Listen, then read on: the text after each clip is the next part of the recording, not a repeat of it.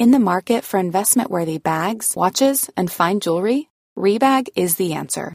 Rebag is a luxury resale platform where each piece is carefully inspected by experts to ensure quality and authenticity. Use Rebag to buy and sell finds from the world's top brands, including Louis Vuitton, Chanel, and Cartier. Head to Rebag.com and get up to 15% off your first purchase as a member with code REBAGNEW. Shop today at Rebag.com. That's R E B A G.com. And use promo code REBAGNEW for up to 15% off your first purchase as a member. Ik ben Femke Sterke en naast mij zit Barbara van Erp. In deze podcast bespreken we alles, maar dan ook echt alles waar je als vrouw van 50 tegenwoordig tegenaan loopt. Doe je beugel BH maar uit en zet je rode oortjes op. Dit is de Saar podcast 50 plus, maar nog lang niet dood. Hallo, daar zijn we weer bij de Saar podcast. Vandaag hebben we relatiecoach Anne de Jong te gast. Anne is hard op weg om de Nederlandse Esther Perel te worden. Ze heeft het boek. Heel leuk. Ja, ze heeft het boek. de Even knap. Even knap, heel mooi pakken. Ze heeft het boek De Geluksroute geschreven. En binnenkort komt Sorry Schatje uit. Of is hij al uit? Nee, half mei komt hij uit. Half dus mei. het zit in de duurt nog. Ja. En speciaal voor Saar eh, heeft ze, heb jij ook eh, een cursus gemaakt die over een aantal weken verkrijgbaar is eh, via Saar. Weg met de relatietwijfel gaat die heten. Mhm. Welkom Anne. Nou, super leuk om hier te zijn. Ja, Dus heel dank leuk. voor de uitnodiging. We hebben er heel veel eh, zin in. We gaan wel eerst even naar eh, Barbara. Ja, Nou, ik dacht, laten we eerst nog even hebben over... vorige hoe- week hoe- live. Ja, hoe Ja. vond jij eh, de, de, de live? Ja, ik vond het superleuk. Ik vond het heel leuk om de luisteraars te zien een Ja, keer. hè? Die met grote getalen uit het hele land. Uit eh, Sittard waren de mensen. Sittard ook nog. Ja. Nou, voorbij Enschede. Ik bedoel, het is Hallo. Het waren ongelooflijk. allemaal fans. Ja. Allemaal fans. Ze wilden ook selfies maken met ons. Ja, dat was ook heel leuk. Ik heb ze ook allemaal gesproken, volgens mij. Zoveel mogelijk met iedereen een handje gegeven. En vergeten kaartjes te scheuren. Sorry jongens. En na afloop hadden we gratis drank. Dus ik denk, eh, nou, de, de rekening moet nog komen. Oh ja, dat was ook heel grappig. Want er- inderdaad, iemand mailde of appte of weet ik wat nog. Nou, app is allemaal niet. Van, eh, en dat we dan ook nog gratis drank kregen. Ze vonden het allemaal heel erg leuk. Ja, Het bleef ook lekker lang hangen. Dat was ook heel leuk. ja hè? En oh, er was, kwam na afloop één vrouw naar me toe die zei van... je hebt me zo geïnspireerd met het drinken... en ik heb een hele tijd niet gedronken... maar dit weekend heeft mijn man na 34 jaar huwelijk... Oh ja, we hadden een heel goed huwelijk onze relatie opgezegd... en toen heb ik maar weer een glaasje ingeschonken. ja dat Oh, was... God, dat was En toch dat zo- vertelde ze aan jou Ja, ook. en ze stond ook helemaal zo te huilen. Ze zag Ja. er zo mooi uit. En ze... ehm, En ze zei ook dat ze eigenlijk een hele goede relatie had. Dat ze het zo'n Ja. leuke man vond. Vond ik ook wel heel Ja. tof dat je na 34 jaar zegt... Het is leuk. zo'n leuke man. Ja. Oh, het vond zo treurig. ja. Zo, oh, echt heel naar. En En toen vertelde ze ook nog dat hij de laatste maanden zo heel veel op zijn telefoon zat. Ach, en heel veel aan het drinken was. Oh, en toen zei ik, oh god, hij heeft een ander. Wat denk jij, Anne? Nou, de telefoon is wel Een signaal. een signaal. En ook wel waardoor mensen erachter komen. Ja. eh, dat het uiteindelijk... Dus de, de telefoon geeft het vaak weg, hè? De telefoon geeft het vaak weg, eigenlijk altijd. Ja, en dat echt, is ook, ja? de telefoon is heel vaak ook gesynchroniseerd met andere apparaten. Dus dat. Ja, iemand dan ja. de laptop opent. En Ja. dat is en wel daar, eigenlijk, komt, daar eigenlijk komt dan via WhatsApp een berichtje binnen. Ja. WhatsApp. Of dat is weer de iPad of een kind komt erachter. Oh ja. Oh, dit, dit heb jij al heel vaak in je Ik heb praktijk heel vaak in mijn praktijk dit eigenlijk of betrapt door een oudste zoon. Die zijn nog erger, zeg maar. Maar het is Oh. echt heel vaak de synchronisatie Oh my god. van alle apparaten waardoor Jee. het aan het licht komt. Oh, nou, dat is dan heftig. tip 1 voor de, onze vreemdgangers die luisteren. Oh, wat heftig. Synchronisatie uit. Sowieso niet synchroniseren. Oh. Maar veel op de telefoon is natuurlijk wel een soort duid op een parallel leven. En van Ja. deze mevrouw is natuurlijk ook interessant van... hoe kan het nou zo dat, dat daar niet over gesproken is? Ja. Dat ze dat achteraf zegt. Ja. En hij was zo leuk. Ja. En Maar tijdens, dan Ja. pas nu na denk ik, ja, hij zat toch wel vaak op de telefoon. En ik denk ook meteen, is er verband met dat niet drinken? En dat hij nu weg is. Maar dat is iets Zij anders. ging niet drinken, hij ging meer drinken. En nu En is hij toen- weg. Ja, precies. Oh, oh. Maar wat een rot verhaal. Ontzettend rot verhaal. Ik kreeg tranen van in mijn ogen. Dus ik was blij dat ze er toch was in de eentje. Maar dat vond ik ook wel weer heel, want het was wel een eh, pittig wijfje. Nou. Dat ze dat, dat, wat ik bedoel, ik, het was echt vier dagen geleden of zo. En ze, ze zat bij de Saar-podcast opname. Ik dacht echt, wat knap. Weet Ja. je, ik denk dat ik nog niet van de grond opgestaan was. Ongelooflijk. Nee, Ja, en ook nee. wat zocht ze dan, hè, daar? Misschien wilde ja, ze nog meer. dat denk ik. Ik dat denk, is denk, toch- ja, ik denk ook wel dat ze even met Bar wilde praten. Misschien dat ze gewoon een soort van het vriendinnengevoel. Ja, Wat nou dat hadden we ook even. is. Het was echt een schat. Ja, Ik hoop dat het beter met je gaat inmiddels. Maar dat kan haast niet, want nee, het het is is nog wel heel kort. anderhalve week. is nog de shock. Ja, je moet er even doorheen, meid. Ja. Ja, zal ik dan maar vertellen over hoe kloten de jellyneck was? Vertel jij eens even, we zijn aanbeland bij het alcoholminuutje. Ehm, nou ja, ik kreeg een dag van. Het was dan de eerste afspraak, zou ik dan hebben. En de dag van tevoren. Het was allemaal stom met die ADHD-onderzoek. Waar ik nog steeds geen uitslag van heb, twee maanden later. En onze eerste afspraak zouden we hebben. En ik had maanden gewacht op deze afspraak. Ik had ook veel eerder in behandeling gekund. Maar dan was het online geweest. Maar ik dacht, nee, laten we het gewoon optimaal doen. Dan doen we het live. en dan krijg ik op maandag tuurlijk. krijg ik een mailtje met. Ja, ik probeerde je al te bellen. Maar ik voel me niet zo lekker. Doe morgen even online. Oh, daar heb je maanden op gewacht. Maanden op Dat gewacht. is toch, want ja, ik ja, ik bedoel, tuurlijk, iemand kan zich niet lekker voelen, maar ik vind het echt, ik kan hier echt van huilen. Oh ja, en anders dan kunnen we het ook wel een paar weken uitstellen. Ik denk, alsof je daar niet je naartoe leeft. helemaal op voorbereid. Ja, die Wat vrouw had de podcast gebeuren? duidelijk niet geluisterd. Nee. Want het was elke week, wanneer is het? Wanneer is het? Nou, dus het was zo'n anticlimax. En toen, nou, toen zei ik, nou oké, laten we dan toch maar doen. Het was dan wel voor één keer, dus ik ga volgende week dan wel live. Maar het was soort van gesprek van, nou, een beetje zo intekenen, een beetje praten. En eigenlijk alles wat ik al verteld had, nog een keer vertellen. Wat natuurlijk ook wel begrijpelijk is, want het is weer een nieuwe mevrouw. Maar het stond er ook wel op zich. En ehm, Ja, precies. Lees Ja. gewoon even het verslag, dan kunnen we daar beginnen. Ja, en toen. Ja, dus ik, ik, ik dacht, wel, ik krijg nu instructies of dingen. En ik kreeg ook af en toe wat autistische mailtjes uit het systeem. Van er staan weer opdrachten voor u klaar. Maar er waren steeds dezelfde opdrachten. En dat test uw alcoholkennis. Nou, hoeveel glazen gaan er uit de fles? Ja. Nee. Weet je wel, Oh, echt zo. dit meen Dat je krijg je afgelopen maanden. Ja, en dan, ik oh, steeds serieus inloggen. En dan kan ik ga er even voor zitten. Weet je wel, steeds dezelfde Ah, opdracht. Zit wat je met je verschrikkelijk. goede wil. Nou, echt was echt vreselijk. En dan ja, een video met een van de halve daklozen die eh, in de goot lag en die nu eh, niet meer drinkt en gaat vissen elke dag. Nou, daar had ik ook niet echt veel affiniteit mee. Maar Bar, zit je niet gewoon echt bij het verkeerde Ja. systeem? Nou, ik weet niet, maar. Dus toen hadden we het gesprek en toen na drie kwartier was ik zo'n Teams meeting. Die houdt na drie kwartier op. Zei ze, oh, we moeten stoppen. En toen stopten we. En ik had gelukkig wel de nummer. Toen heb ik er nog even gebeld. Zei ik, ja, maar moet ik dan nu stoppen met drinken? Of hoe werkt dat dan precies? En toen zei ze van, ja, nou ja, dat kan je doen. Maar ja, dat weet niet. En eh, als je in één keer stopt, dat adviseren we nooit. Want dan kan je een delier krijgen. Dus je 10% minder per dag als je per se wil. Oh, ik ben echt in shock. Ik ben echt echt in shock. Dit Hoe is slecht dus is waar het? je al maanden op... Ja. En Wacht. ook dat je dus niet goed genoeg kijkt naar wie het is. Want ik bedoel, Ja. ze krijgt geen delier als ze, als ze stopt met drinken. Het is niet een of andere zwerver. Nee, en ik had, ik had net verteld, ik ben vorig jaar twee keer best Precies. wel lang gestopt. En eh, nou ja, dat ging allemaal wel prima. Nou, slecht. dan? Nou, ik was helemaal te neergeslagen. En de volgende dag zei ik tegen mijn man, weet je wat, je moet gewoon in het leven alles zelf doen. En dat zo ben ik ook opgevoed, dus ik moet het gewoon zelf doen. Misschien gaat, niemand gaat mij je oude helpen. script. Ja, niemand gaat mij helpen. Iedereen kan de tering krijgen. Dit weekend stop Ah. ik maar weer met drinken in mijn eentje. Dus ik ben weer meer gestopt met drinken in Ah, mijn ja, eentje. nou, ik vind dit heel verdrietig, want dit, dit is natuurlijk niet zo. Je kan geholpen worden.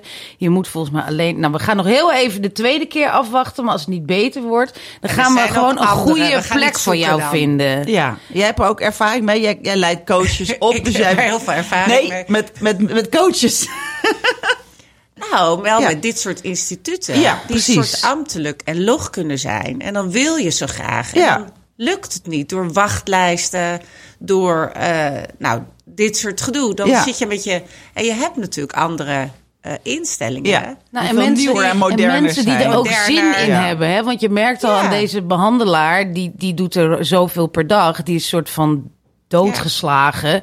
En die denkt, oh, belt ze ook nog. Nou, doe maar 10% per dag minder. Weet je, dat je niet even investeert. Dan, ja, dan die kreeg vrouw ik is ook nog- overbelast of zo. Nou een telefoontje over iemand die in opleiding was mee mocht kijken. Zeg, ik, dan krijgen we dus drie mensen op het scherm. Ja, inderdaad. Dus niet dat hij dan in een hoekje zit of zo. Maar ik zei nee. Nee, dat vind ik echt een beetje Maar. Barbara, we gaan kijken... Als dit niet lukt naar een ander Ja. ding. Want het moet lukken. Ja. En je kan, En je kan worden hulp door krijgen. frissere mensen, frissere instituten. Ja. Ja, Echt waar. Dit is heel erg. dit is echt heel Dit erg. is Dank echt je wel. heel erg. En nog steeds geen ADHD-uitslag. Oh, die...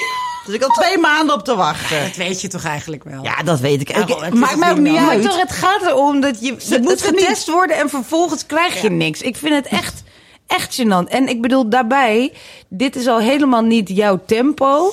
Dus ik vind ook, ik bedoel, als mensen een beetje naar jou kijken... moeten dingen gewoon ietsje sneller. Want anders, ja, dan gebeurt er wat jij nu gaat doen. Namelijk, dat je dan denkt, nou, ik doe het wel zelf... en dan ga je afhaken, zeg maar. Dus ze moeten wel een beetje meebewegen. Ik bedoel, er moest nu iets over die ADHD. Je moet nu goed in die behandeling. Dus als het niet lukt, dan zorgen wij ervoor dat Wij jij daarvoor zorgen, Barbara. Dat gewoon op een goed- goede plek Echt terechtkomt. Want dit is echt gênant. Maar ik ben begonnen, mijn eh lopen ben ik begonnen op een RIAG. Ja, Nou, Dus precies. dat is die G- oude GZ. En dat Ja. vond ik super interessant. Maar wat ik merkte, is dat het... Nou, dat mensen ook zo inefficiënt werken. Dat ik dacht, dacht, hoe kan je nou de Volkskrant gaan lezen... en dan weer de Volkskrant lezen met zo'n wachtlijst? En vier cliënten per dag hebben en dan niet meer doen. En om kwart over vijf, voor mijn gevoel, holde iedereen naar het dossierhok. En ik dacht, hè, we, hebben nog, we kunnen toch heel hard doorwerken.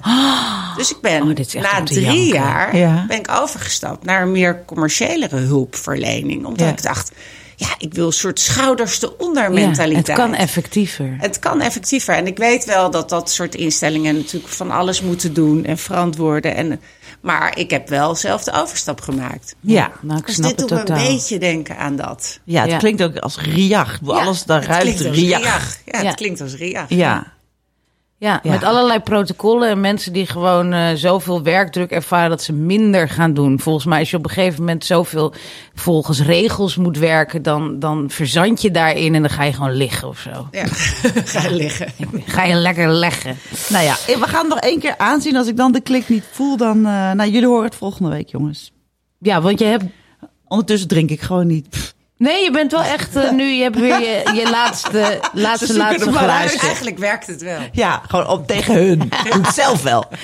Ik ben alweer gestopt. Ik ben alweer gestopt. Nou goed, en we horen het volgende week. Ik ben heel benieuwd, maar eh, hang in there. Yes. Eh, nou, we komen aan bij onze rubriek gereed. Luister jij onze podcast eigenlijk soms? Altijd. Oh, altijd! Ah, lieverd. Wat Fan leuk. van het eerste uur. Wat leuk. Dus je weet, eh, je kent onze rubriek gereed. Die ken ik. Ja. Nou, we gaan eh, printers reten. Printers. We hadden weer zo'n drama met de printer vandaag. Het is, de, ik, Barbara heeft wel eens hier gewoon een soort van de printer in elkaar geslagen. Dan gaat ze heel hard stampen en erop slaan. Zeg maar, ik kom er überhaupt niet, ik kom er überhaupt niet in de buurt. Ik ook niet. Ik koop gewoon altijd een nieuwe. Oh, ja, precies. Als de Zo cartridge veel. leeg is. Zo, ja, want dan weet ik dat niet. Dan zie ik een lampje. En op een gegeven moment word ik zo gek, dan koop ik een nieuwe. Ja, dat snap ik. Zoveel nieuwe printers gekocht. Oh, dat snap Maar ik. wat is er met printers? Waarom kunnen ze niet gewoon gebruiksvriendelijk? Ik heb, ik heb nu laatst tegen mijn man gezegd: Oké, zullen we nog één keer een printer kopen? Koop de allerduurste. We kopen gewoon de allerduurste die het gewoon meteen doet zodra je in de buurt komt dat hij gaat printen, weet je. Gewoon, eh, nou, nu zat ik er gisteren weer, die moest het ook vanaf mijn telefoon allerlei dingen, waarschijnlijk met airdrop of zo, wat ik dan Weet weer niet begreep. En dan moet ik naar het hok achter in de tuin waar dat ding staat, waar het ijzig koud is. Dus daar wil je ook 30 seconden zijn. En ik zat de hele tijd met die telefoon en er kwam weer niks uit. Nou, ik ben weer zo uit mijn plaat gegaan, echt. Ja, het is- er roept echt agressie op. Hey, maar jij bent goed, toch? Met techniek en knopjes. Ja, maar niet met printers. Nee, niet- dat is heel grappig. Dat is echt Printers, eh, vreselijk. ja. Je moet Ik toch ben wel een keer heel goed bevallen op een printer. Want ik was, de vliezen waren gebroken bij mijn. En toen, ehm, nee, nee, ik had weeën, maar dat duurde allemaal veel te lang. Toen hadden ze me weer naar huis gestuurd. Dus zat ik thuis met weeën te wachten tot het allemaal kwam. En toen liet Thomas mij een filmpje zien van een kat die ruzie had met een printer. Die echt zo als een mens kaart op een printer aan het rammen was. En toen moest ik zo hard lachen, dat de hele keuken onder mijn vruchtwater stond. En toen kon ik weer terug naar het ziekenhuis. Wat Ja, een dan is hij wel. Dan is hij al wat hoger nu. Ja, dus ik ben een beetje. Ik, ik heb wel ergens een zwak voor printers. Ja, ja, dus jij reed hem niet. Ik reed hem echt op een 1. Ik vind Ja. Het meest vreselijke apparaat maar- wat er bestaat. Maar mijn zoon had nu ook, die doet examen, die had mondeling. Oh, ja. En dan moest hij wat uitprinten. En dan denk ik, appt hij dat om tien over elf s'avonds. Oh, Ik lag nee, al dat bed en ik dacht, oh, dat gaat natuurlijk mis morgenochtend. Ja. Die printer is natuurlijk Ja. stuk. ja. Is Dus ik stuk. sta op en natuurlijk is die printer stuk. En dan moet ik wat doen. Moet ik naar Epson en dan moet ik iets resetten lukte niet. Oh. Dus, dus ik geef hem ook een 1. Ja, Ja, ik ik al natuurlijk... van tevoren. Ja, precies. Nee, dat, maar dat is ook zo. Je moet nooit. Het, is, het, is, het zijn ook altijd momenten in de avond of in de ochtend. Hè, dat je dan denkt van. En in ik- haast. Ja, en in haast. En dat je denkt, ik moet nog even snel iets printen. je zo'n printje zoals jullie hebben. Je Precies. kan lezen. En dat je, en dat je dan denkt van, oké, ik ga het nu doen, s'avonds, want ik heb het morgenochtend nodig. Ja. En dat je dan inderdaad om 11 uur staat. God, God, dat werkt niet, dat werkt niet. Dan zeg rijd hier! Ja, je man. iemand de schuld Ja. geven. En dan, je doet het er niet. Zegt hij, je moet rustig. je moet- Oké, het papier is op. We doen hem even aan en uit. Hij doet het nog niet. Hij doet het nog niet. Het is zo erg. Nou, wat geef jij de printer? Ja, een min 10, ja. Ja, hè? Dit is echt een hele goeie om te reten. Dit is zo'n zo'n slecht apparaat. Ja, ik dus ben nu wel moet jij- benieuwd of Ja. iemand ooit een printer iets hoogs zou geven. Ja. Nou, ik Zo'n heb fijn apparaat doet Nou, het altijd. Ik moet je zeggen, daar heb ik nog op zitten azen. Maar die heb ik niet gegeven. Els had een printer. Die deed het altijd. Dat is waar. Els had zo'n goede printer. En dan zei ik ook van nee, ik ga wel niet printen, want, want dan werkt het niet. Er kwam altijd wat uit. En ik heb ook nog... Nou, ik heb niet gezegd, mag ik je printer na je overlijden? Maar ik zei wel, oh, zo'n printer. En die heb ik nog opgezocht. Die printer bestond niet meer. Nou, eh, ik heb niks gezien hoor in de erfenis. Die hele Nee, printer, ik weet niet waar die printer is, maar ik heb hem niet. Nee. Nee, de printer van Els. Maar nu moet jij dus een fragment voorlezen van een blaadje... wat Ja. geprint is door een printer die ja, het niet doet. met mijn 40 plus ogen. maar moet je dit je telefoon dan even erbij pakken? Nee, nee, ik ga dit echt... Gaat dit eh, lussen? ik ga dit... eh, Gezien? ik ga dit doen. Wil je mijn bril? Nee, want dat, dat gaat ook nog niet helemaal goed. Ik, eh, we- op deze afstand gaat het wel. Oké, succes. Ik knap. Mijn ex en ik vulden elkaar jarenlang heel goed aan. Totdat het niet meer zo was en hij van alles uit te zoeken had. En nu een andere koers. Nieuwe ronde, nieuwe kansen. Het blijkt veel gemakkelijker samen te zijn met iemand die een mening heeft en die uit. Het scheelt natuurlijk wel dat mijn nieuwe partner en- ik het vaak eens zijn. We wonen intussen samen en wat een overeenstemming heerst er. Over tal van kleine dingen die er niet toe die er niet behoren, toe behoren te doen. Alleen al omdat ze truttig zijn, maar dat intussen wel doen. Zoals ja wel de lampen uitdoen wanneer je het huis verlaat. Mijn man let er nog meer op dan ik. Ineens ben ik degene die hier en daar wordt aangesproken op nalatig gedrag. Niet dat dat nou altijd zo'n feest is, maar een eye-opener, ja, dat is het wel. Je kunt relaties haast niet vergelijken. Het is nogal wat anders of je vanaf je twintigste samen bent of pas na je vijftigste. Je hoeft geen gezin meer te stichten, er valt veel minder uit te zoeken. Het is een verademing, zo'n nieuwe kans. Ik sta er dagelijks van te kijken hoe soepel dingen gaan die voorheen zo stroef konden verlopen. Ik dacht, dit is wel een mooi eh, topic Mooi, eh, om over te hebben. Ga meteen schrijven. Ik zag de relatietherapeut al een paar aantekeningen Ja. maken. Eh, want dit denk ik ook altijd inderdaad. Van, ehm, Dat het makkelijker wordt. Ja. Ja. Als je een nieuwe tweede... omdat je... Ik Kans heb, krijgt. Ja, want Ja. Ik heb, wij hebben wel eens hier een, eh, een vrouw, eh Maaike Jeuken, aan, aan tafel gehad. En die zei ook, dat die heeft een hele leuke nieuwe man met wie ze gaat trouwen. En die zei ook, hij is zo leuk omdat ik weer opnieuw mocht kiezen. En toen wist ik beter wat, wat bij mij paste. En daar voel, toen voelde ik wel, ja, dat zal vast wel zo zijn, ja. Ja, daar kan je van alles over zeggen. Nou, ik ben heel benieuwd. Nou, ik geloof wel, je kan, je bent op je vijftigste, als het goed is, meer ontwikkeld en meer liefdesvaardig dan je was. Ja. Dus als ik naar mezelf kijk, ik ben ook recent getrouwd, anderhalf jaar getrouwd, we hebben vier jaar relatie. Nou, ik ben totaal niet meer degene die ik was. Ik ben veel beter geworden in liefde. En nou, mijn man had ook wel zijn dingetjes vroeger. Dus die eh, is ook beter geworden in liefde. Dus wat dat betreft heb je een nieuwe kans, kan je een nieuwe match, kan je zoeken nou, wie beter bij je past. Dus dat is helemaal waar. Aan de andere kant zijn de normale mensen, mannen, ook vaak op na de veertigste. Dus wat overblijft, zijn natuurlijk toch veel mensen met bindingsangst, verlatingsangst. De mensen die niet konden blijven. Dus de, de spoeling is ook wat dunner. Dit zeg is een hele goeie voor van je jou. 40ste. Want ja, de mensen die geen bindingsangst hebben, die Die zoeken natuurlijk, die krijgen op hun 26e een leuke liefde. Na drie liefdes daarvoor. Die zoeken het uit met elkaar. Die, als het saaier worden, dan gaan ze wat spannende dingen doen. Die gaan misschien een keer een relatiecoaching. Die blijven voor elkaar kiezen. Dus het leuke vind ik wel. Natuurlijk kan je het beter krijgen. Maar wel ook na heel veel gedoe vaak. En natuurlijk kan je opnieuw kiezen. Maar je moet ook wel een beetje mazzel hebben. Ja. Maar ik denk wel, je bent liefdesvaardiger. Dus als de match er dan is, dan kan je ook alles weer opnieuw doen zonder scheurtjes en zegels Ja. die je gespaard hebt. Maar Dus zeg jij dan de- ook dat eh, de mensen die gaan scheiden. Hè? Want ik bedoel, jij gaat scheiden, de ander is ook gescheiden, je vindt elkaar. Eh, zijn dat dan altijd mensen die, of vaak mensen die minder goed gehecht zijn, omdat ze ook uit elkaar gaan? Ehm, de kans is groter dat je minder goed gehecht iemand tegenkomt. het is niet altijd Ah, zo, maar het is natuurlijk wel zo dat minder goed gehechte mensen gaan sneller uit elkaar. Ja. Dus de heel veilige hechten, die blijven natuurlijk bij elkaar.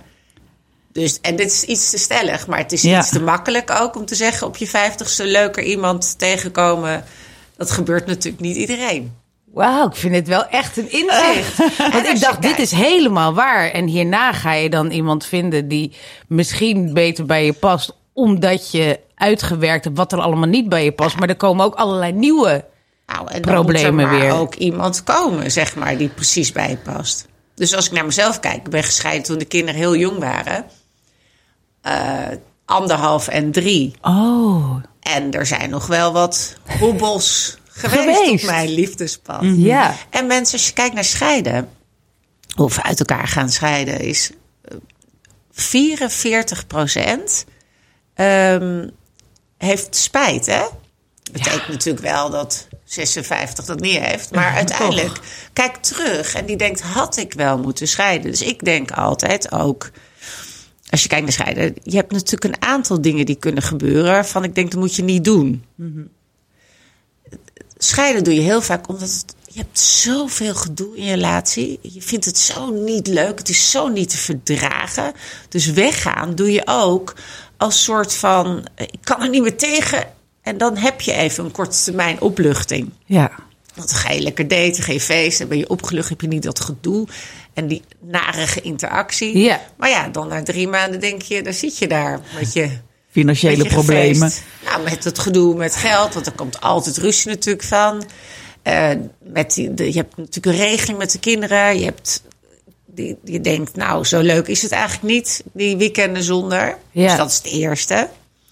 Het tweede wat vaak gebeurt, is natuurlijk dat je verliefd wordt op een ander. En dat gebeurt bij die ander. Ben je een leukere versie van jezelf. Ja. Maar je was even vergeten om te kijken hoe kan ik dat in de relatie doen. En na een half jaar ben je met die ander en denk je... ehm, ja, maar ben je eigenlijk wel zo leuk? Ik ging na mijn scheiding ging met een man die heel goed vragen kon stellen. Ja. Die was, nou, ik, ik ging daten.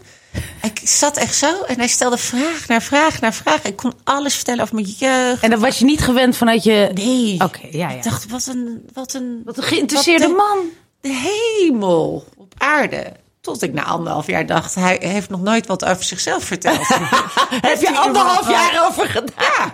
Wat Ik hilarisch, hè? Zo, Zo blij met dat iemand wat vroeg. Dat iemand geïnteresseerd in mij was. Ik ben natuurlijk ook psycholoog, dat doe ik altijd. Dus ja, toen werd ik wakker. Toen dacht ik, ik weet helemaal niks van hem. En eigenlijk is het super saai. Maar goed, dus je Ah, wordt dus helemaal opbloeien. Ja. En dan weer helemaal... Maar goed, eerst is dus dat je een soort reductie van je gedoe doet. Dus weggaan. Tweede is dus dat je eh, verliefd wordt op een ander en dan wakker wordt en denkt, nou ja, eh, is dit zo leuk? Maar wat er ook heel vaak gebeurt, is dat je gaat scheiden. Eh, dat je heel erg ehm, lang in die twijfelperiode hebt gezeten. Ja. Van, ja, zou ik gaan? Oh, toch wel fijn om te gaan. Ja, maar het is toch wel eng. Hij is toch wel leuk. Hij is toch wel... En in die twijfelperiode heb je eigenlijk geen contact gemaakt met je partner. Want dan heb je al een beetje opgegeven. Eigenlijk Ja. ga je dan, eh, dat noem je confirmation bias. Je gaat eigenlijk allemaal bewijzen zoeken voordat hij of zij is, of niet leuk is, of niet belangstellend genoeg is. Dus je gaat allemaal bewijzen zoeken waarom eh, het niet goed is. En dat ga je met je vriendinnen bespreken.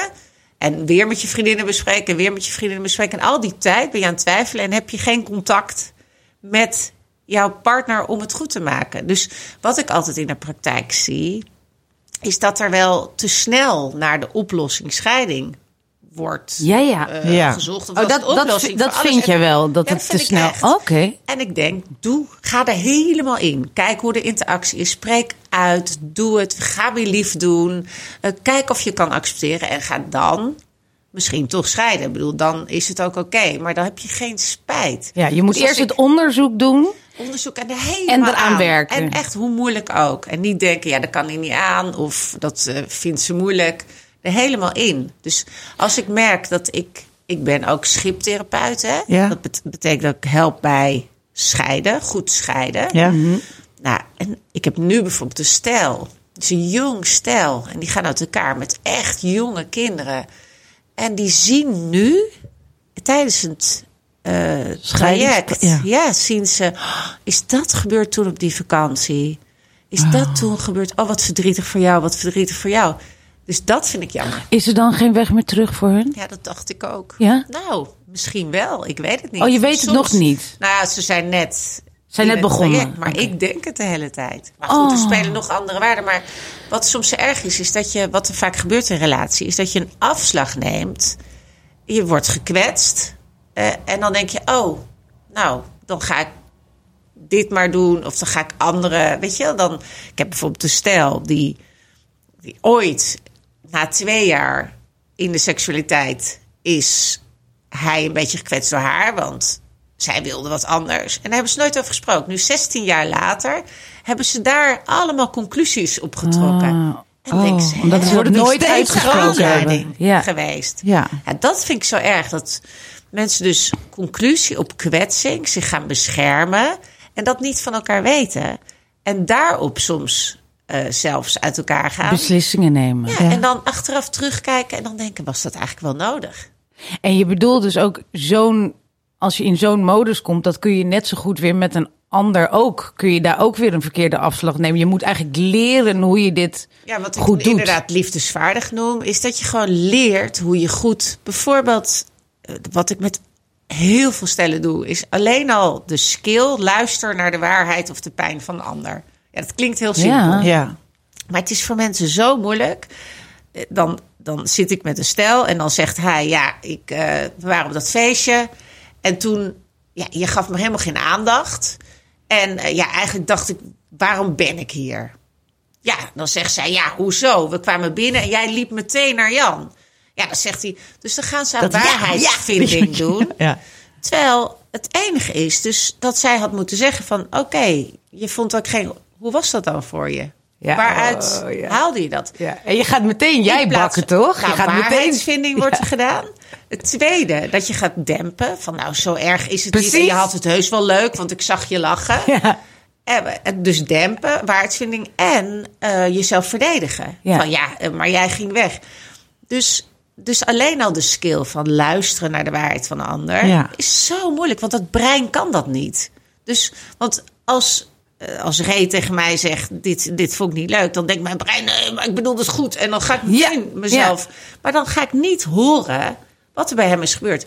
Nou, ook dit. Dus, nou ja, dit is ook mijn ambitie. Of ik, ik wil gewoon dat mensen dit bijvoorbeeld beter gaan kunnen. Ja. Ja. Want dan, dat voorkomt zoveel. En dan kan je alsnog uit elkaar. Maar dan niet vanuit boosheid, maar vanuit we hebben andere waarden. Of we snappen elkaar en toch kiezen we niet voor elkaar. Maar heb jij nu, als je terugkijkt op je relaties die niet eh gelukt, of in ieder geval Niet niet, gelukt gelukt zijn. Nou ja, weet je, ze zeggen altijd van ten dele, maar op een gegeven moment hield het op, zeg maar. Dat je nu denkt, ik had dat wel, ik had dat anders kunnen doen als ik de skills had die ik nu heb. Zeker. Ja? Ja. Oh, Ja. wauw. Ik zeg maar bijvoorbeeld met mijn, eh, met mijn de vader van mijn kinderen. Ja. Ja, wij passen echt niet bij elkaar. En we zijn ook gelukkig gescheiden. We zijn, heel, we zijn echt goede vrienden. We doen zelfs aan birdnesting. Dus we wonen in hetzelfde huis. Dus, dat is, dus ik ben gelukkig getrouwd, gelukkig gescheiden. Dus op zich heb ik niets te klagen. Maar ik weet wel dat ik kon toen eigenlijk niks. ik sprak bijvoorbeeld helemaal niet uit wat ik nodig had. Ik wist niet eens wat ik nodig had. Dus moest hij maar raden. En dan was ik boos als hij het niet goed raadde.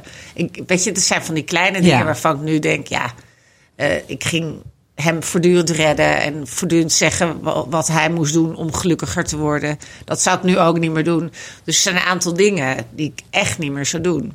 Maar toen kwam ik in relatietherapie, ben ik ook twee keer geweest en met hem. Ja, dat was de hel. Dat Waarom? verschrikking. Wat dan? Nou, nou, dit is ook wel waarom ik doe wat ik doe. Omdat ik denk, het Ben je pas daarna dit gaan doen? Ja. Oké. Je was nog geen relatietherapeut Nee, toen. wel psycholoog ben Ja. ik natuurlijk altijd geweest. Dus ik heb altijd sessies gehad. Ik zag ook wel stellen, maar niet zo als nu. Mhm. Maar ja, ik heb er twee gehad. Nou, de eerste was een vrouw. En die ging eh, zeggen, ja, nou dan moeten jullie eerst individueel. En toen moesten we eerst ongeveer tien keer individueel. 2000 piek verder. En toen kwam eindelijk de conclusie. Ja. En Dat toen was- zei ze: Ja, ik ben uit. Jullie hebben communicatieproblemen. en hij heeft een verleden wat best wel belast is. En jij ook. Ja, alsof we dat niet wisten. Ja. Oh, wat heftig. En de tweede was nog erger. Nee. Want een deel van het probleem tussen mij en mijn ex was dat hij soms vond dat ik wat. ehm, ja, wat. Ja, nee, hoe moet ik dat zeggen? Directief? Boven, ja, wat boven hem stond. Oh ja, oh ja, die, die, die- Nou ja, Wat bedoel je? Die, die, ken ik ook wel, ja. Maar die man, die, en ook dat ik. eh, wat, ja, nee, hoger opgeleid was. Ja, een beetje, omdat Een beetje was, arroganter? nou, een beetje, nou, arrogant, dat vind ik nou lullig. maar wel zoiets. ja. Maar dan ging die man dan zeggen, zei, ja, Anne, ja, jij en ik zitten in het vak, hè, dus jij snapt wel waar we Oh, het nee. over hebben. Dacht ik, Oh my hoe god. kan jij met Nou. psychiater, relatiepsychiater, en dan ga je doen wat er, wat er aan de hand is. Oh mijn god. Nou, die twee waren echt verschrikkelijk. Hebben niets geholpen, alleen maar verergerd. Wat erg. En toen hebben we. Daar is jouw missie ontstaan. Nou, nou, wel dat het echt, denk ik, het kan frisser, beter, leuker en duidelijker dan dit. Ja. En nou, toen hebben we nog zo'n proefscheiding gehad. En toen, uiteindelijk hebben we een week nog bij Boer Zoekt Vrouw gezegd: volgens mij is het op, hè? en toen was het ook een hele gemakkelijke scheiding. We hebben er wel Oh veel aan god. Maar even om terug te komen, ik kan nu veel meer dan toen. Ja. ja. ja. Dus nu in je nieuw, nieuwe relatie, zeg maar, kan- Ja. breng je al je, je tools, zeg maar, kun je, kun je echt gebruiken. Nee, zeker. En, En dat eh, werkt. Ja, Kennelijk. echt waar. En ik Echt waar. ook bij. En ik, het helpt dat eh Ray het ook heel leuk vindt. Ja, Dus ja, dat om hij- over na te denken. Ja, en te- meeleest. hè. Hij le- leest wat ik lees. Dus Ja. we vinden het allebei heel leuk. Ja. Dat helpt. Ja, ongelooflijk. Ja. Wauw. Ja, ik vind, ik vind, ik vind wel, we, hebben, we zijn met die cursus bezig en, en eh, ehm, alles wat ik nu lees en ook het interview wat eh, in het komende nummer komt. Ja. Het is heel duidelijk wat jij eh, zegt. Het zijn heel duidelijke dingen die helemaal niet zo moeilijk zijn, maar die we wel vergeten zijn. Want Ja. wat jij dus zegt, wees lief voor elkaar. Dat is natuurlijk heel bazaal, maar dat vergeet je wel snel, want je bent een soort bedrijf als gezin, dus het is eh, vooral heel veel dingen zijn praktisch en dan vergeet je dat het ook nog wel eens leuk is om. Mijn man zegt ook heel vaak tegen me: "Je moet eens wat liever tegen mij doen." Dan zeg ik "Ik ben niet lief. er moet brood gehaald worden." Weet je?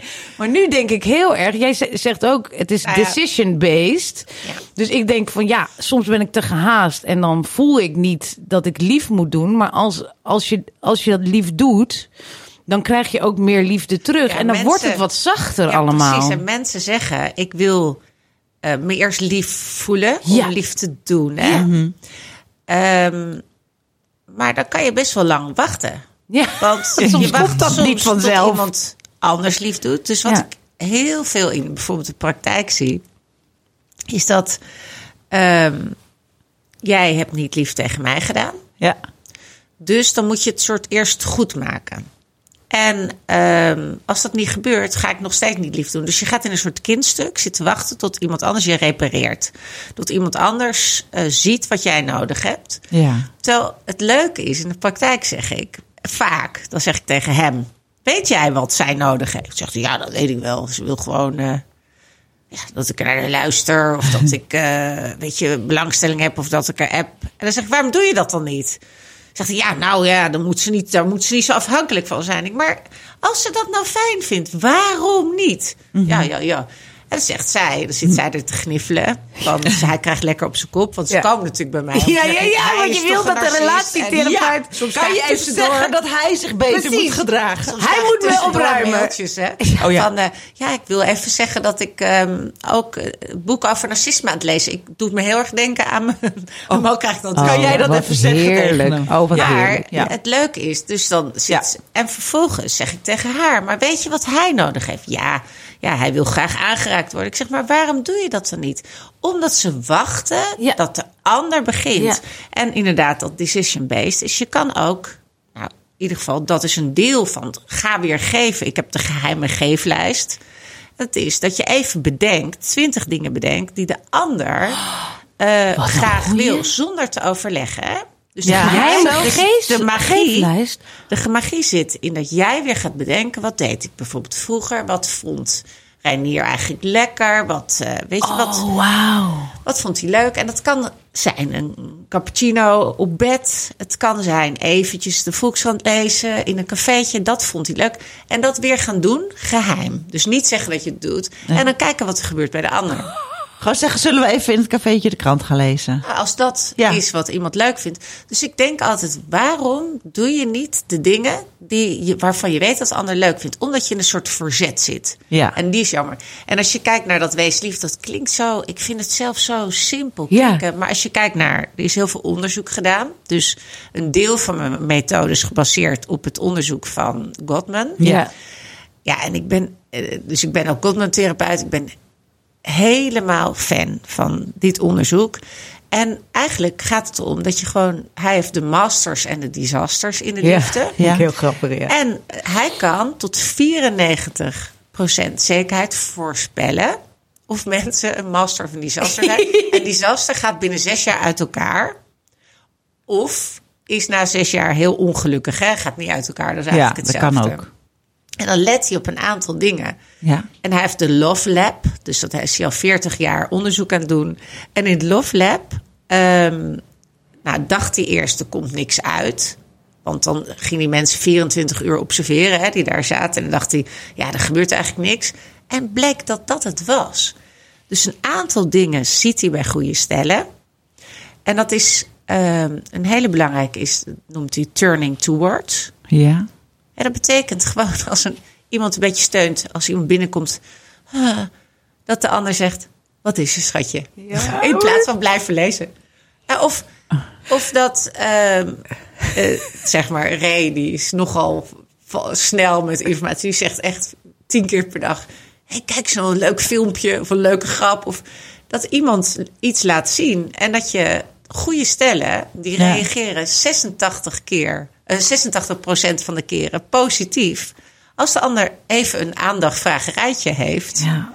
En dat hoeft natuurlijk maar 10 seconden eh, Te duren. duren. Ja. Versus slechte stellen, de disasters. Ja. Die, eh, die gaan dan of negeren. Want je zit zelf in je telefoon. Of je bent bezig. Of die worden zelfs boos. Ja. Hoe? Zo stoor je mij Ja. met je filmpje. Ja. Of met je gezucht. Oh nee, ze zucht. Nou, ik kijk maar niet. Dus turning towards is een hele belangrijke. Maar ook bijvoorbeeld gewoon nieuwsgierig zijn. Dus mensen die elkaar twintig jaar kennen. Die kennen elkaar minder. Of die weten minder van het dagelijkse, zo moet ik zeggen. Dan mensen die elkaar twee jaar kennen. Omdat je wel denkt, dat verhaal ken ik. Dus je zegt niet meer... Vertel eens over je dag. Wat Ja. was nou het leukste? Wat Ja. heb je meegemaakt? Nee, het is nu gewoon van, eh, hoe was het? Ja, Ja, goed. Nou, dan denk Ja. je, nou, ik heb het gevraagd. wat gaan we eten? Ik ga, ik ga Ja. koken. En dat is al heel wat waarschijnlijk. Hoe was het? Ja, vind, ik al, dat vind ik al een goede vraag. Tegenwoordig vraag ik dus van, hoe was je dag? Ja, nou, het is een beetje druk. Oh, nou, wat zullen we eten? Weet je, nou, dat vind ik echt al knap dat ik het gevraagd heb. Nee, precies, maar dit zien ze dus. Nou, Ja. ze zien nog een, dus een aantal positieve dingen bij Ja. goede stellen. En dat is bijvoorbeeld, elk stel heeft een relatie-erosie. Ja. Ja. Iedereen. Ja? Dus wat, wat is alles dat? Wat goed, nou, alles wat goed is, ook tussen jullie, weet je, jij, jij en Femke die werken samen. En jij in het begin bij Femke dacht je bij alles, wat is grappig, wat is leuk. Wat... En op een gegeven moment wen je aan hoe grappig ze is. Of hoe inspirerend Barbara is. Dus je moet je blijven, en dat is bij stellen natuurlijk ook Ja. blijven focussen op jeetje, elke dag weer. Wat, wat ben je lief, wat ben je knap, wat heb je lekkere billen. Wat, wat, en het blijven zeggen. Maar even een vraag daarover, hè? want dat, dat is, dit is een heel goede vergelijking. Ik merk dus van mezelf dat ik dat beter kan met vrienden of met mijn compagnon dan thuis. En wat is voor jou het verschil? Ja, nou de, ehm, de onvoorwaardelijkheid. En dus ook het, Ja. het, het, dat ik dan denk van hij is er toch wel, zeg maar. En dat is eigenlijk goed, denk ik. Want ik, ik vertrouw er echt op dat je mag hij... helemaal jezelf zijn. Precies, maar mezelf is niet Ja, zo heel tof. niet zo aardig. Bij mij gelukkig niet. Nee, ja, maar ik bedoel, je fijn, moet, hè? nee, maar je moet er dus, ja, je moet er dus aan werken. En, en ik bedoel, ik, ik weet wel, als ik hier eens geïrriteerd of zo ben, dan, ik bedoel, nou, dat merk je wel aan. Maar ik kan, ik kan meer de knop omzetten dan thuis, zeg maar. Dan laat ik dat maar allemaal dat, maar, maar gaan. dit vind ik dus ook zo leuk. Van, En dat is toch die- apart. Maar ik denk, wij- mensen zijn op het werk veel beleefder dan Ja. thuis. Ik Ja. denk, wees thuis net zo Ja, beleefd. precies. Ja, je moet Echt op het werk. Want Ja, waarom ga je natuurlijk je partner, Ja. dan kan je helemaal losgaan. ja. En eh, op het werk hou je in. Dus op het werk zou je nooit zeggen: hoezo Ja. heb je die kaas niet gehaald? Hoezo gooi je dat kopje? Belachelijk, Barbara. En thuis denk je: je Ja. alweer die zooi? Dus ik denk, wees thuis ook Nee, een nee, die zegt ook het van, doe maar even alsof ik je collega ben. nou. Maar Ja. dat is toch heel moeilijk, want hij Maar is het mijn leuke- collega niet. Ja, maar het leuke is, jij houdt het meest van hem. Ja, Of hij is het allerbelangrijkst. Ja. En dan doe je, zo. ja, nou ja, Nee. dat. Ja. Maar goede stellen Ja. doen dat eh, dus minder. Die doen dus ook thuis beleefd. Dat vind ik zo leuk aan het onderzoek. En dat betekent helemaal niet dat je alleen maar hoeft te slijmen. Maar ik heb het wel. Elke, dit heb ik wel altijd in mijn hoofd. Ja, maar ik denk ook altijd, authenticiteit is ook heel belangrijk. Maar ja, dat is waar. Vraag me even aan Reinier. Beleefdheid versus authenticiteit. Versus wil je dat ik echt ben of wil je dat ik... Ja. Maar wat goede stellen als ik eh, ook doen, is bijvoorbeeld niet alleen deze dingen, maar ook bijvoorbeeld ruzie maken maakt echt niets uit. Maakt geen bal uit, hè? Nee. Eh, maar ook niet. Hoe bedoel je, maakt niks uit? De, de goede stellen kunnen heel veel ruzie maken. Oh, ja, ja, ja. Maar ook, sommige mensen zeggen je moet ruzie hebben om een goede. Om een goed goede- stel te zijn. Maar dat hoeft ook niet. Ook niet uit onderzoek. Soms is het niet de uit. dynamiek van mensen of zo. Ja, maar welke wel moeilijker is, dat één, je hebt één ruziemaker en één vermijder. Dus de een gaat en praat dan met mijn ander. Denk, oeh, Loop maar weer weg. weg. En dan loop maar weer weg. Weer. Maar wat goede stellen goed eh, kunnen, is eh, doorbreken van ruzies. Ja, ja. Dus, dus lachen, snel pareren en daarna eh, zeg maar erover. Wat gebeurt er nou met jou? Wat gebeurt er nou met jou?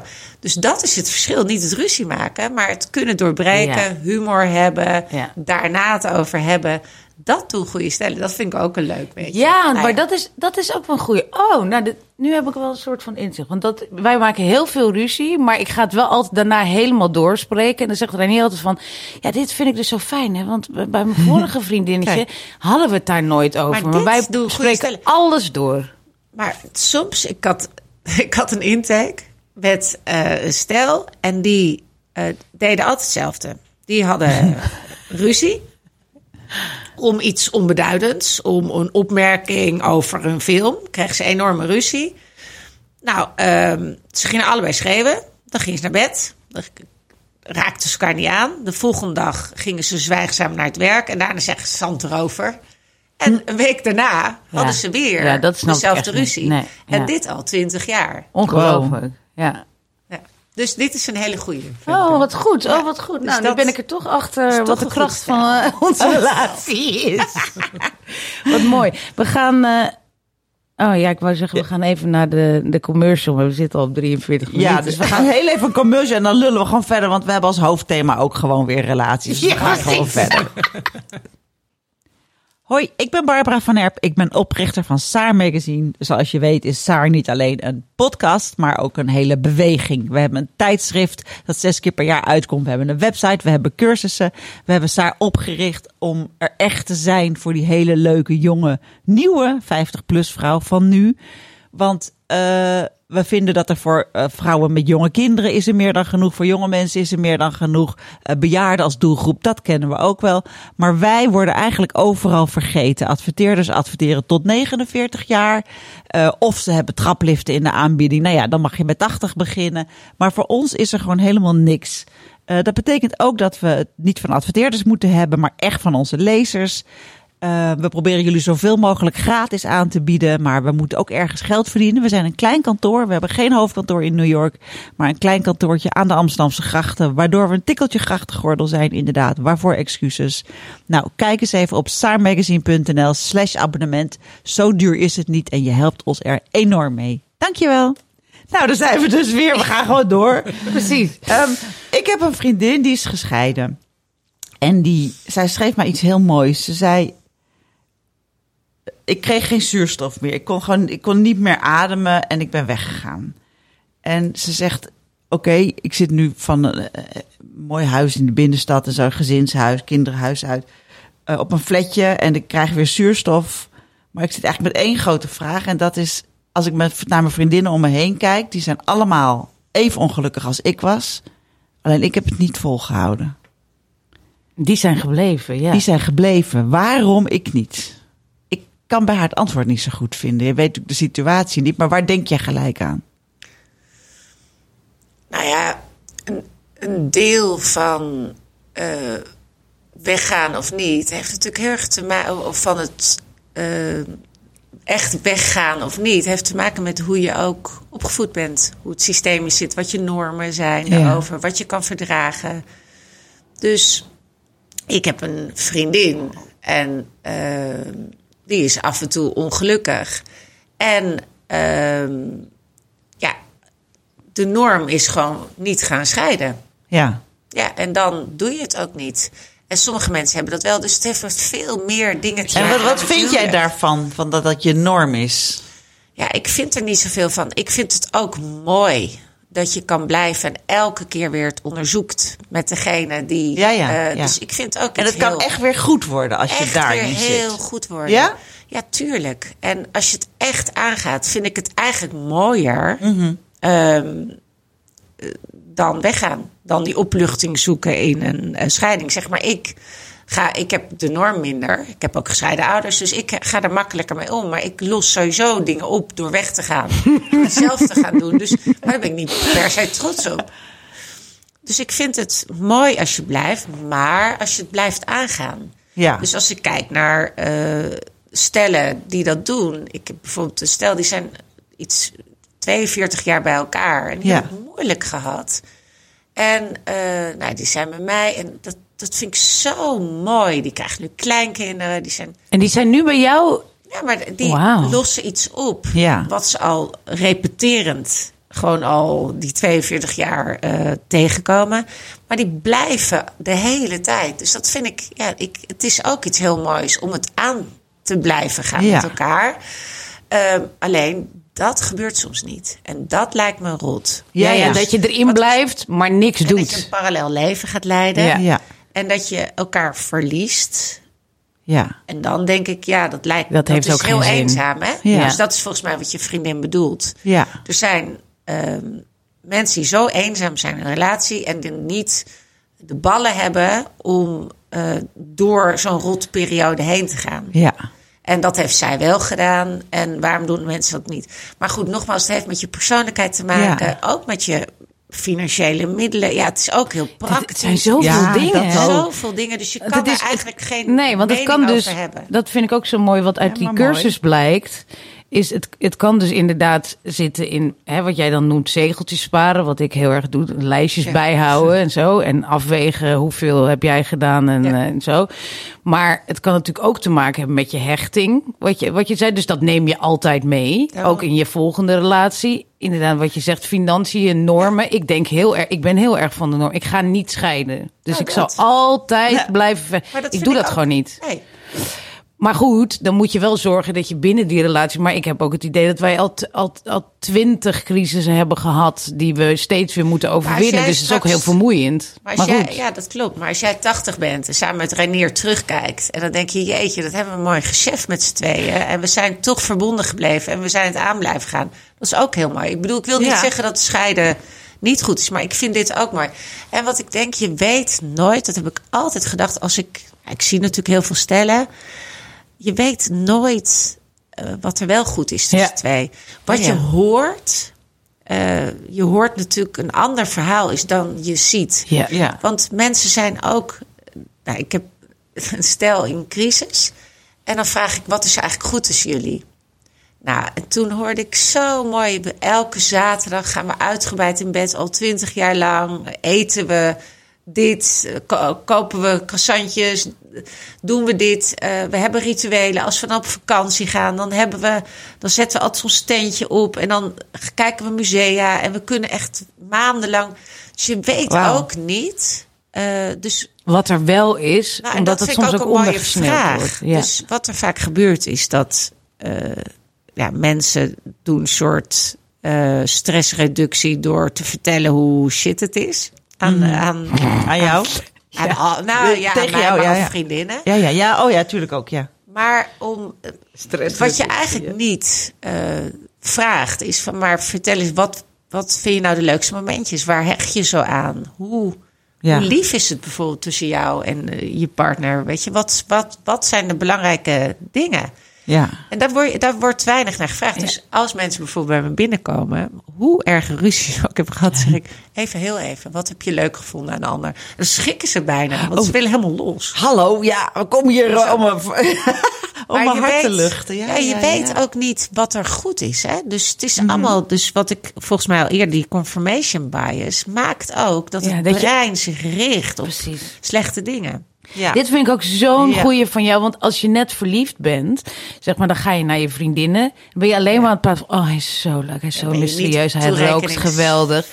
Dat is ook zo. maar dan heb je dus die relatie. En, de, en, en dan is het een beetje, wat heel veel vriendinnen van mij hebben, dat je dus met elkaar erover gaat hebben van, oh, en hij is zo lui of hij doet nooit dit of nou weet je hij was weer onze huwelijksdag vergeten of al die dingen dat ben je nog en iedereen knikt dan oh ja die van jou ook Oh, ja die ja. van mij Ja, hoor. Terwijl wat jij zegt inderdaad er zijn ook nog wel leuke dingen maar je vindt het ook al leuker om dit te vertellen kennelijk vind je dat dan een leuker verhaal Maar of zo het is ook, natuurlijk, het is ook, mensen vinden het natuurlijk ook lekkerder om naar ellende te luisteren. Precies. Ik bedoel, dat is gewoon een feit. ja Dus als je alleen En maar gaat is- zeggen hoe verliefd je bent. Ja, dan denken mensen ook denken, van oh, rot boe. op. Ik vind het echt een heel Ja. saai verhaal. Maar goed, het doet ook wat met je hoofd. Dat is ook zo. Ja, weet je? Dus je blijft naar het dat centrum, geven. naar dat Ja. zeurcentrum. Dus ik denk altijd, weet je, als je nog even over jou vraagt, Barbara, Ja. van die vriendin van scheiden of niet. Of, het belangrijkste, denk ik wel, is dat je op een gegeven moment kiest. Of ik ga er weer in, Ja. of ik ga wel weg. Ja. Maar dat je stopt met zeuren eigenlijk. Ja. ja, en stop met je verwijderen, parallel leven zeuren. Dat wordt alleen maar groter. Ja. Dus je moet ergens mee stoppen. Je moet het of weer aangaan, Ja. of stoppen met de relatie. Ja. Ja. En beide is moeilijk. Beide moet je iets verdragen. ja. En dat duurt sowieso allemaal jaren. Ja. Ja. dat is slechte nieuws. Dat is dan weer het slechte nieuws. Ja. Ja, want wij hebben hier ook wel eens gezegd van... ja, weet je, dat is toch allemaal ouderwets systeem. Je hele leven bij elkaar blijven. We worden zo oud. Moet gewoon elke twintig jaar een ander voor elke tien, levensfase. elke tien. Tien. Ja. Dat zou ik ook heel goed snappen. Wie zei dat nou? Dat zei Maaike toen ook van om de tien jaar een belletje. Changer. Nou, dat vind ik ook helemaal geen gek systeem hoor. Want ik bedoel, het, het- nou ja, qua, qua spannend en zo. Ja, weet je, dan heb je weer allerlei ik wel heel nieuwe. leuk vind aan Esther Perel... Ja. is dat zij natuurlijk zegt, en daar geloof ik heel erg in, ehm, ja, dat je na een crisis, bijvoorbeeld overspel of, of een andere crisis, dat je, als je het helemaal onderzoekt, Ja. weer een tweede of derde relatie kan Ja. krijgen met je eigen partner. partner. Ja. Of je doet het met een ander. Soms is het te erg en dan doe je het met een ander. Hè? Ja. Soms lukt het gewoon niet meer om, om dingen te vergeven of te vergeten. En dan lukt het niet meer. Maar ja. Ik vind een opnieuw kiezen voor je partner vind Ja. is ook een heel mooi resultaat. Ja, nee, dat, dat, dat snap ik ook wel. Dat merk ik ook wel aan wat Renier en ik hebben doorgemaakt, dat wij best wel veel crisis hebben gehad en ook dat iemand wegging en weer terugkwam en zo. Dat je daarna, op een of andere manier heb ik dat dan ook nodig om te voelen hoe het is als hij vertrekt. Ja, dus dat helpt jou. Als je Ja, even kennelijk. verpakt. Ja, weet je, want dan, dan, dan heb ik toch weer het idee van ik, ik moet ervoor vechten. En, en, en oh, wat heerlijk dat hij, er, dat hij weer terug is of er nog is. Dus dan voel je ineens die dankbaarheid. Precies, en dat werkt. wat- Ja, Ja. ja. Dus kennelijk moet dat gevecht ook de hele tijd. Het is, nou ja, onze relatietherapeut zei ook van ja, jullie zitten al gewoon 15 jaar in hetzelfde eh, ge- gevecht. Maar kennelijk hebben we dat ergens nodig of zo. Om dan Ja, weer. Of heb je hem nog niet helemaal eh doorgrond. Dat zou ook kunnen. Ja, Ja. dat kan ook natuurlijk. Dus Dat zie, je, zie ik vaak hè, in de praktijk. Ja? Dat, het, ja, dat je nog niet helemaal hebt doorgrond. Waardoor je het steeds terug laat komen. Dus dat- die is ook nog wel interessant. Oké. Ja. Wij komen bij jou binnenkort. Gezellig. Nu we willen we live. allemaal naar Anne. Doen we live. Oh, doen we live? Nee, dat gaat hij leuk vinden. Ik Ja. krijg nu ook zin om nog weer een heleboel op te gaan. Ik denk, oh god, we zijn vast niet tot de bodem gegaan. Ja. We moeten het nog helemaal gaan opruimen. Ik zit nu ook te denken van, wat zou dat dan zijn, hè? Nee, ik, ik vraag me ook af, kan je, maar kan je, ja, is het voor... Nou, die, ik snap wel die, die, dat mensen soms allebei eerst in therapie moeten, zeg maar. Want ik denk, je zit ook zo met... Mijn man komt uit, een, komt uit een heel ander gezin dan Ja. ik. Dus we blijven gewoon heel erg... Hij is vrij opgevoed. Ik ben heel erg met, met allerlei restricties opgevoed. En dat blijft het gevecht. Ja. Gewoon dat ik de hele tijd denk van... Oh, moet het weer allemaal zo los? En, en hij is van... Oh, moet het weer allemaal precies zoals jij het... wil? En daar komen we niet uit. En ik denk ook van... Ja, ik ben dit, jij bent dat. Hoe dan? Maar dus ja... Nee, ik herken het ook wel. Dat is natuurlijk voor een deel. Maar ja, je kan hem nog meer, misschien nog meer doorgronden. Oh, Of ja, meer om lachen in plaats van zo verwijderen. Of Ja, ja, manier in vinden. Ja. Maar misschien is het ook wel gewoon lekker hoe jullie het doen. Ja, ik weet het ook niet. Mooi. Nou, ik kan me niet voorstellen dat zij ooit gegraniold wordt. Wat denk jij? Nee, want zie je hoe ze eruit ziet? Dat Ja. pak ook weer. En je bent ook Nou. zo... Ja, ik vind je heel erg knap. Mag ik dat nog Nou, even zeggen? dat Ja, het is echt een lief. prachtig pak. En je bent zo slank. En, oh. Ja, wat wij zeggen. Ben je, ben je Nou. wel eens gegraniold? Nou, genoeg. Maar ik ben een keer een soort eh, ge- passief geganioot. Of een soort zwijgzaam geganioot. Dat ik dacht, volgens mij ben ik nu geganioot. Maar ik weet nog steeds niet zeker. Want? Maar dat was met mijn... eh, ik heb stiefdochters. Ja? Heel veel. Maar er waren er twee. Ja. Dus het was Eva, die is 23. En Roos, die is 19. En ze zeiden... We zaten heel gezellig. Volgens mij waren we zelfs gezellige sigaretje aan het roken. Weet je wel, op zo'n mo- vriendinnenmomentje. Oh, ja. Zeiden ze, ja, we gaan een pubquiz organiseren. En Roos en Eva, ja, dat gaan we doen. En eh, ik zat er een beetje bij. Ik hou eigenlijk niet van pubquiz, want ik kan dan niks. Maar goed, niet, ja. eh, Ja. dus ik dacht, oh leuk, dat gaan ze doen. Zei ze, ja, we gaan met heel veel generaties doen. En dan nodigen we ook eh, die uit, en die is 15. En dan nodigen we ook Lola uit, die is 14. En ik zei, ja, ja, en ik heb ook wel vriendinnen. Het was stil. Oh, maar het stom was dat ik dacht, ze horen me niet. Dus ik heb mezelf als herhaald. Oh, wat grappig. En toen waren ze weer stil. En die pubquiz is woens, komende woensdag. Maar ik ben nog steeds niet uitgenodigd. Oh, wat- Dus ik- Oh, dus ze bedoelde met generaties gewoon... ja, generaties Dus van tussen de veer- 15 tot 40, Ja, precies. 25 Ja, tot ja, 14. Precies. ik heb ook nog dit zitten. Hilarisch. Maar en dan nog, een keer herhalen. Nog een keer herhalen. en dan weer stilte. triest.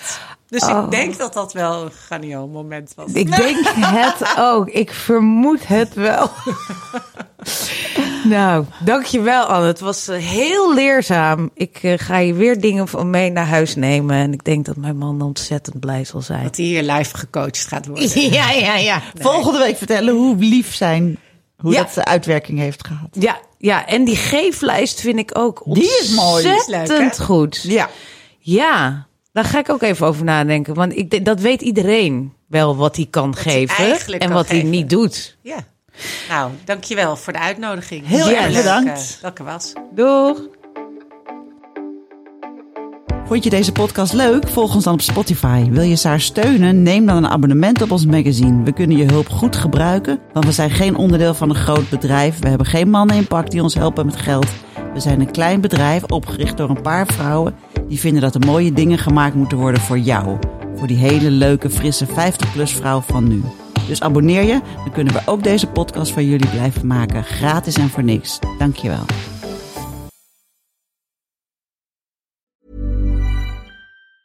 Planning for your next trip?